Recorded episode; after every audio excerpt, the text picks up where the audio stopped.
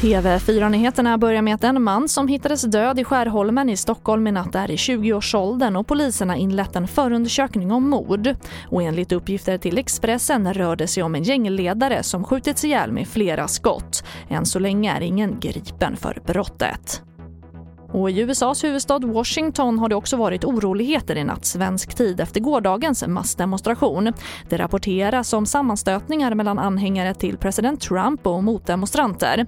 Kravallutrustad polis grep ett 20-tal personer och en person fördes till sjukhus efter en knivskärning.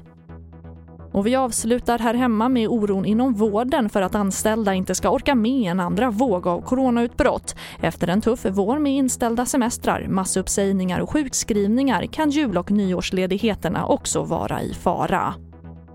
Vi har inte hunnit återhämta oss och vi är fortfarande lite med personal. Klarar ni en andra våg, tror du? Vi kommer klara det, eh, det tror jag säkert. Men vi klarar det för att vi vrider och vänder på oss Eh, och sliter. Frågan är bara hur länge vi kommer orka och vrida och vända på oss.